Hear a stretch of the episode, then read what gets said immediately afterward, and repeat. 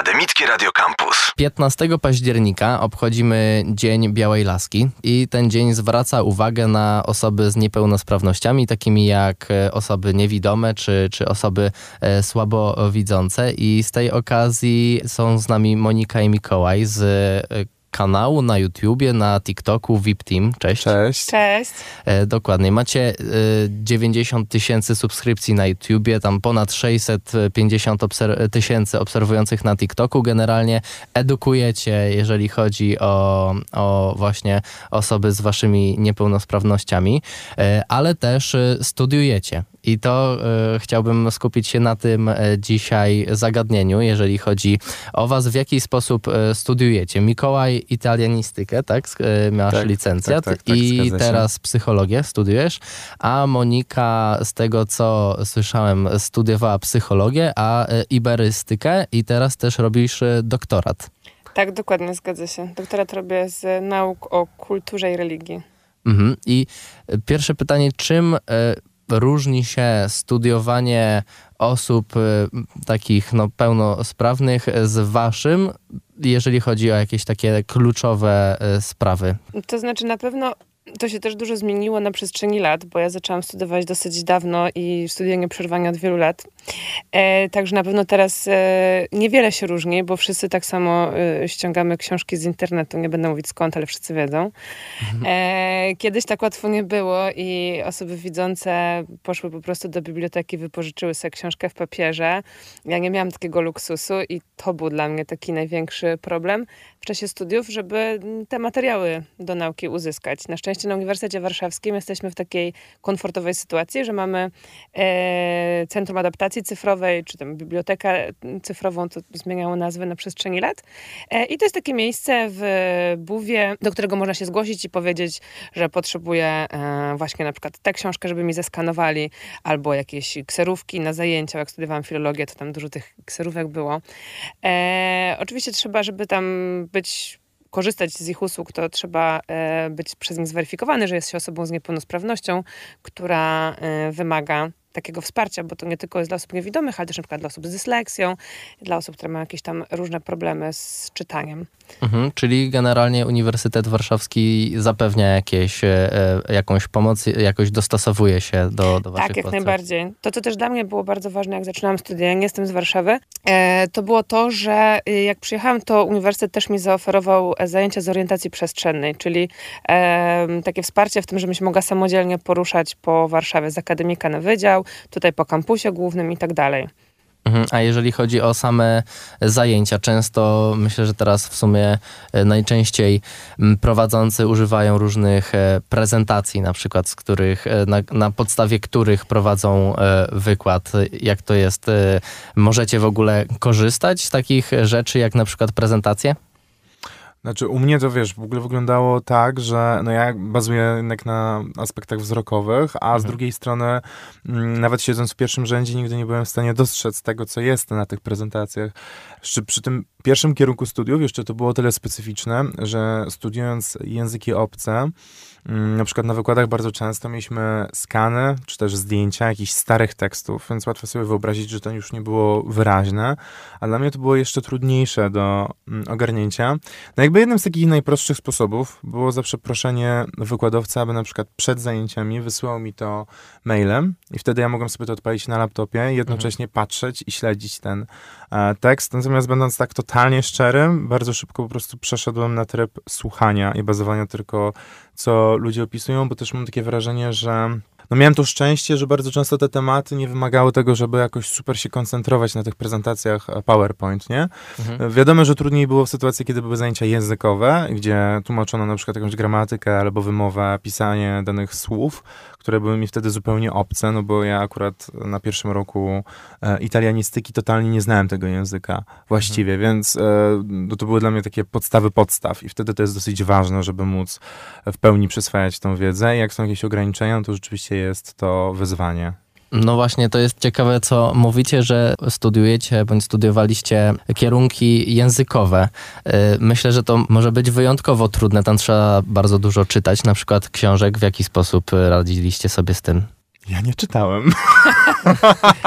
bardzo prosta recepta. A ja wręcz przeciwnie czytałam, e, bo ja bardzo lubię czytać. e, Dlatego właśnie też poszłam do filologii głównie. Dlatego Monia robi doktorat, a ja 5 lat robiłem licencjat. No dobra, ja też robiłam 5 lat licencjat i 8 lat magisterkę, więc to nie jest wyznacznikiem, ale mm, ja zawsze lubiłam czytać i w ogóle to była jedna z moich głównych motywacji, żeby pójść na filologię, e, bo studiowałam przy tej hiszpańskiej, studiowałam też rosyjską i na rosyjską to już w ogóle poszłam tylko po to, żeby móc czytać Lermontowa i Tolstoja w oryginale. Więc, e, no tak jak mówiłam, można było się starać o te adaptacje cyfrowe. E, to była jedna rzecz. Druga rzecz, no zwłaszcza teraz już jest coraz więcej audiobooków, więc też można sobie słuchać w audiobookach. Także ta literatura nie była taka problematyczna. Dla mnie bardziej problematyczne były kwestie takie stricte językoznawcze. Na przykład e, jak się zapisuje, jak się wymawia jakieś słowa, taki, ten cały alfabet fonetyczny międzynarodowy, którego nie da się bardzo na komputerze zapisać i syntezatorem mowy tego przeczytać. To był dla mnie jakiś koszmar, bo ja to wszystko musiałam sobie opisywać słownie, że tutaj nad tym jest taki daszek jakiś tam w lewo, który oznacza coś tam. E, więc to było dla mnie gorsze tak naprawdę nawet niż literatura. Mhm. A czy na przykład uczenie się nowego alfabetu, na przykład jeżeli chodzi o rosyjski, to też jest zupełnie nowy alfabet Braille'a na przykład? E, tak, to znaczy y, alfabet Braille'a występuje w wariancie e, i dla alfabetu łacińskiego, i dla cyrylicy, i dla arabskiego, i dla różnych innych. Natomiast przyznam szczerze, że ja y, nie uczyłam się tego e, już e, wariantu i już byłam na takim etapie, że stwierdziłam, dobra, wystarczy mi, jak będę pisać na komputerze. Prawdopodobieństwo, że będę kiedykolwiek czytać w Braille'u coś po rosyjsku jest raczej niskie. Mm, więc nawet ręcznie też już nie umiem pisać e, w, po rosyjsku, tylko, tylko na komputerze się uczyłam, szczerze mówiąc. Ale jeśli chodzi na przykład o hiszpański język, to ponieważ uczyłam się go stosunkowo wcześnie, bo jeszcze w liceum zaczęłam, no to te mm, takie znaki specyficzne dla danego języka, jak u nas jest on, en, no nie, w niemieckim są umlauty, w hiszpańskim też są samogłoski z akcentami, no to y, w Braille'u sobie sprawdziłam, jak to się pisze po hiszpańsku i, i to mi się faktycznie czasami przydaje, jak jestem w Hiszpanii, czy są jakieś podpisy przy zabytkach. Ważne jest dla was konkretne miejsce na sali. Czy to jest różnica, czy siedzicie z tyłu, czy z przodu? No ja przez lata do tej pory nie wiem czemu umacniam się w jakimś takim poczuciu, że jak usiądę z przodu, to będzie mi lepiej. A mam wrażenie, że to mnie tylko ogranicza w praktyce, bo i tak za bardzo nie widzę tego, co jest e, pokazywane na wiesz, slajdach. Z drugiej zaś strony, no, widzenie wykładowcy z grubsza, ale też nie, nie szczegółowo, no nie daje mi zbyt wiele. Więc teoretycznie, jakbym się chciał bardziej skupić, to niby fajnie. A jednak mam wrażenie, że siedzenie z tyłu wśród znajomych i w ogóle posiadanie znajomych i jakieś takie poczucie, nie wiem, komuny, wspólnoty y, ma dużo większą wartość, więc coraz bardziej, coraz częściej się przekonuję do tego, żeby nie siedzieć z przodu. Em, no, więc Czyli niekoniecznie. raczej, raczej bazujesz na tym, co sam wykładowca mówi, tak? Niż Tak, no ja w ogóle wzrokowo totalnie sobie odpuszczam. Mógłbym oczywiście albo telefonem sobie powiększać, albo korzystać z monokularu, żeby zobaczyć jakieś tam Mhm. małe elementy, ale powiem ci szczerze, że już chyba jestem na to zbyt leniwy. Okej. E, I wychodzę z założenia, że jeżeli gdzieś tam już później mam te notatki i będę miał się przygotować do egzaminu, to, to rzeczywiście to zrobię. Mhm. No, jeszcze nie wiem do końca, jak to będzie wyglądało, jak zaczniemy ćwiczenia, nie wiem, ze statystyki i jakiejś tam metodologii, będziemy pracować na jakichś programach, bo pewnie tu się zacznie, mm, zaczną schodki. No ale nie przejmujmy się tym, co jeszcze nie nadeszło. Dokładnie. A oglądałem wasz e, film, gdzie mówiliście, czy warto studiować e, języki i tam Monika powiedziałaś ciekawą e, rzecz, że różnicą między studiowaniem psychologii a iberystyki było to, że jak się wyrażyłaś, psychologia była wielkim molochem, gdzie było dużo osób, no, duży budynek, tak dużo, dużo osób i brak jednej stałej grupy ćwiczeniowej, jakichś stałych znajomych, których zawsze masz z nimi zajęcia. Czy to jest ważnym aspektem dla niewidomych studentów? Myślę, że dla wszystkich studentów to jest ważny aspekt, bo przecież nie po to idziemy na studia, żeby się uczyć, tylko żeby studiować i żeby się ten czas, tak. żeby ten czas miło spędzić. E, więc na pewno. Mm, ja studiowałam psychologię na Uniwersytecie Warszawskim i faktycznie to był bardzo duży kierunek. Tam było ponad 200 osób e, i specyfika też była taka, że zajęcia y, były przedmioty fakultatywne, na które mogli się zapisywać ludzie z różnych lat. Więc każde zajęcie miałeś kompletnie z kimś innym i to nawet nie z ludźmi ze swojego roku, tylko jeszcze z innych lat. Więc e, totalnie nie było mowy o czymś takim właśnie, żeby się z, jakoś zintegrować, zgrać i że o, tutaj idziemy po zajęciach gdzieś razem coś robimy. Wiadomo, że zawsze jest łatwiej, jak masz taką jedną stałą grupę, możesz, nie wiem, kogoś poprosić o notatki, kogoś o coś tam zapytać, czegoś, e, nie wiem, nie zrozumiałeś, co tam wykładowca pokazywał i tak dalej. Na pewno też osoby niewidome trochę wolniej nawiązują po prostu kontakty e, międzyludzkie, przynajmniej ja tak widzę po sobie, wydaje mi się, że jestem ogólnie dosyć towarzyską osobą i tak dalej, ale i tak widzę, że nawiązuję taki kontakt wolniej niż osoby widzące, no bo jednak ten kontakt, e, zwłaszcza pierwszy, często wśród osób widzących gdzieś się opiera na kontakcie wzrokowym, nie? Mhm. Patrzysz na kogoś, widzisz, że jest tak samo znudzony na tych zajęciach jak ty, albo że jest tak samo zainteresowany, więc od razu do niego podejdziesz po tych zajęciach i powiesz, Jezu, ale beznadzieja. I już jest jaka nić porozumienia e, nawiązuje, nie? E, I jakiś tam może do kogoś uśmiechnąć, zrobić jakąś minę i tak dalej, i tak dalej. No, a osoby niewidome, wiadomo, bazują tylko na, na jakichś rozmowach, więc to się wszystko trochę wolniej kluje. Więc jeżeli spotykasz się z tą samą grupą, nie wiem, 10 razy w tygodniu, no to wiadomo, że jesteś w stanie to trochę przyspieszyć, a jeżeli raz w tygodniu, to czasem ja miałam na psychologii tak, że nawet na koniec semestru to nie znam imion wszystkich ludzi z grupy, nie? Mhm, rozumiem. A y, czy z waszego doświadczenia inni studenci są zawsze pomocni, jak poprosicie właśnie o jakieś notatki, o powtórzenie tego, co było, to wam pomogą?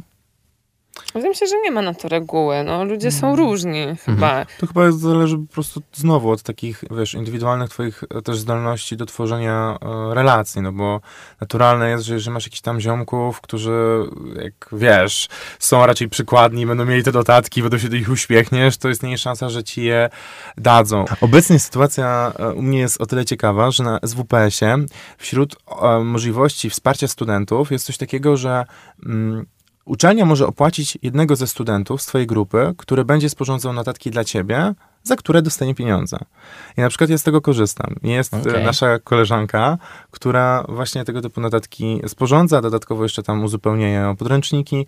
Przez to też mam takie poczucie bezpieczeństwa, że jeżeli ja się z czymś nie wyrobię, albo jakbym się, nie wiem, gorzej czuł, czy cokolwiek by się działo, takiego, że po prostu, wiesz, z tymi notatkami nie nadążam, to, że ona też je tworzy i później mogę się gdzieś tam tą swoją naukę oprzeć na tym, co ona stworzyła. I to jest moim zdaniem mega duże ułatwienie, a jednocześnie też taki fajny sposób wynagrodzenia tego, że no jednak ona w to włożyła pracę mhm. i to nie jest tylko, wiesz, takie wyciąganie daj mi za frajer, za uśmiech, czy tam powiedzmy za przysłowiowe piwo, tylko rzeczywiście też ona ma w tym jakąś formę zarobku.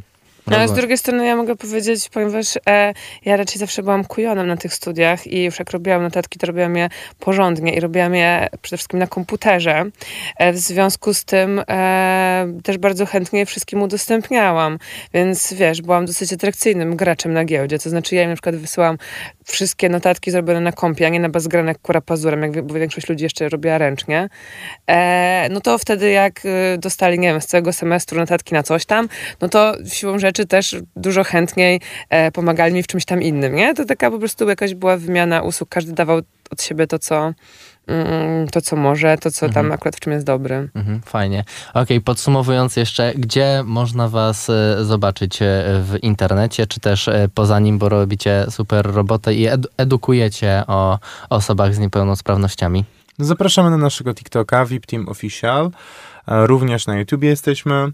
E, na Instagramie oficjalnie na funkcjonujemy, ale na ile jesteśmy tam żywi, to już jest e, względna kwestia, no ale rzeczywiście do tej pory to, co nam się udaje najbardziej robić regularnie ze wszystkich form social mediów, to, to, to krótkie treści wideo. Mhm. A te dłuższe rzeczywiście na YouTubie czasem pozwalają, mm, szczególnie osobom, które na co dzień nie siedzą w temacie niepełnosprawności, jakoś tak mocniej zgłębić te tematy, już tak nie zawsze totalnie, wiesz, mm, w żartach, tylko też e, gdzieś tam się dzielimy swoimi różnymi historiami. A poza internetem to e, bardzo chętnie pojawiamy się na różnego rodzaju wydarzeniach. Jesteśmy czasem zapraszani do, czy do szkół, e, czy na jakieś, żeby poprowadzić jakieś warsztaty dla dzieciaków, dla dorosłych, czy to w firmach, czy to w jakichś, nie wiem, organizacjach pozarządowych, czy na uczelni. Także jesteśmy bardzo otwarci na różne propozycje. Jakby ktoś chciał nas zaprosić, to nie wahajcie się. Jasne. E, Monika i Mikołaj z VIP Team byli dzisiaj w Radio Campus. Dzięki. Dzięki. Dzięki. Radio Campus 97 i 1 FM.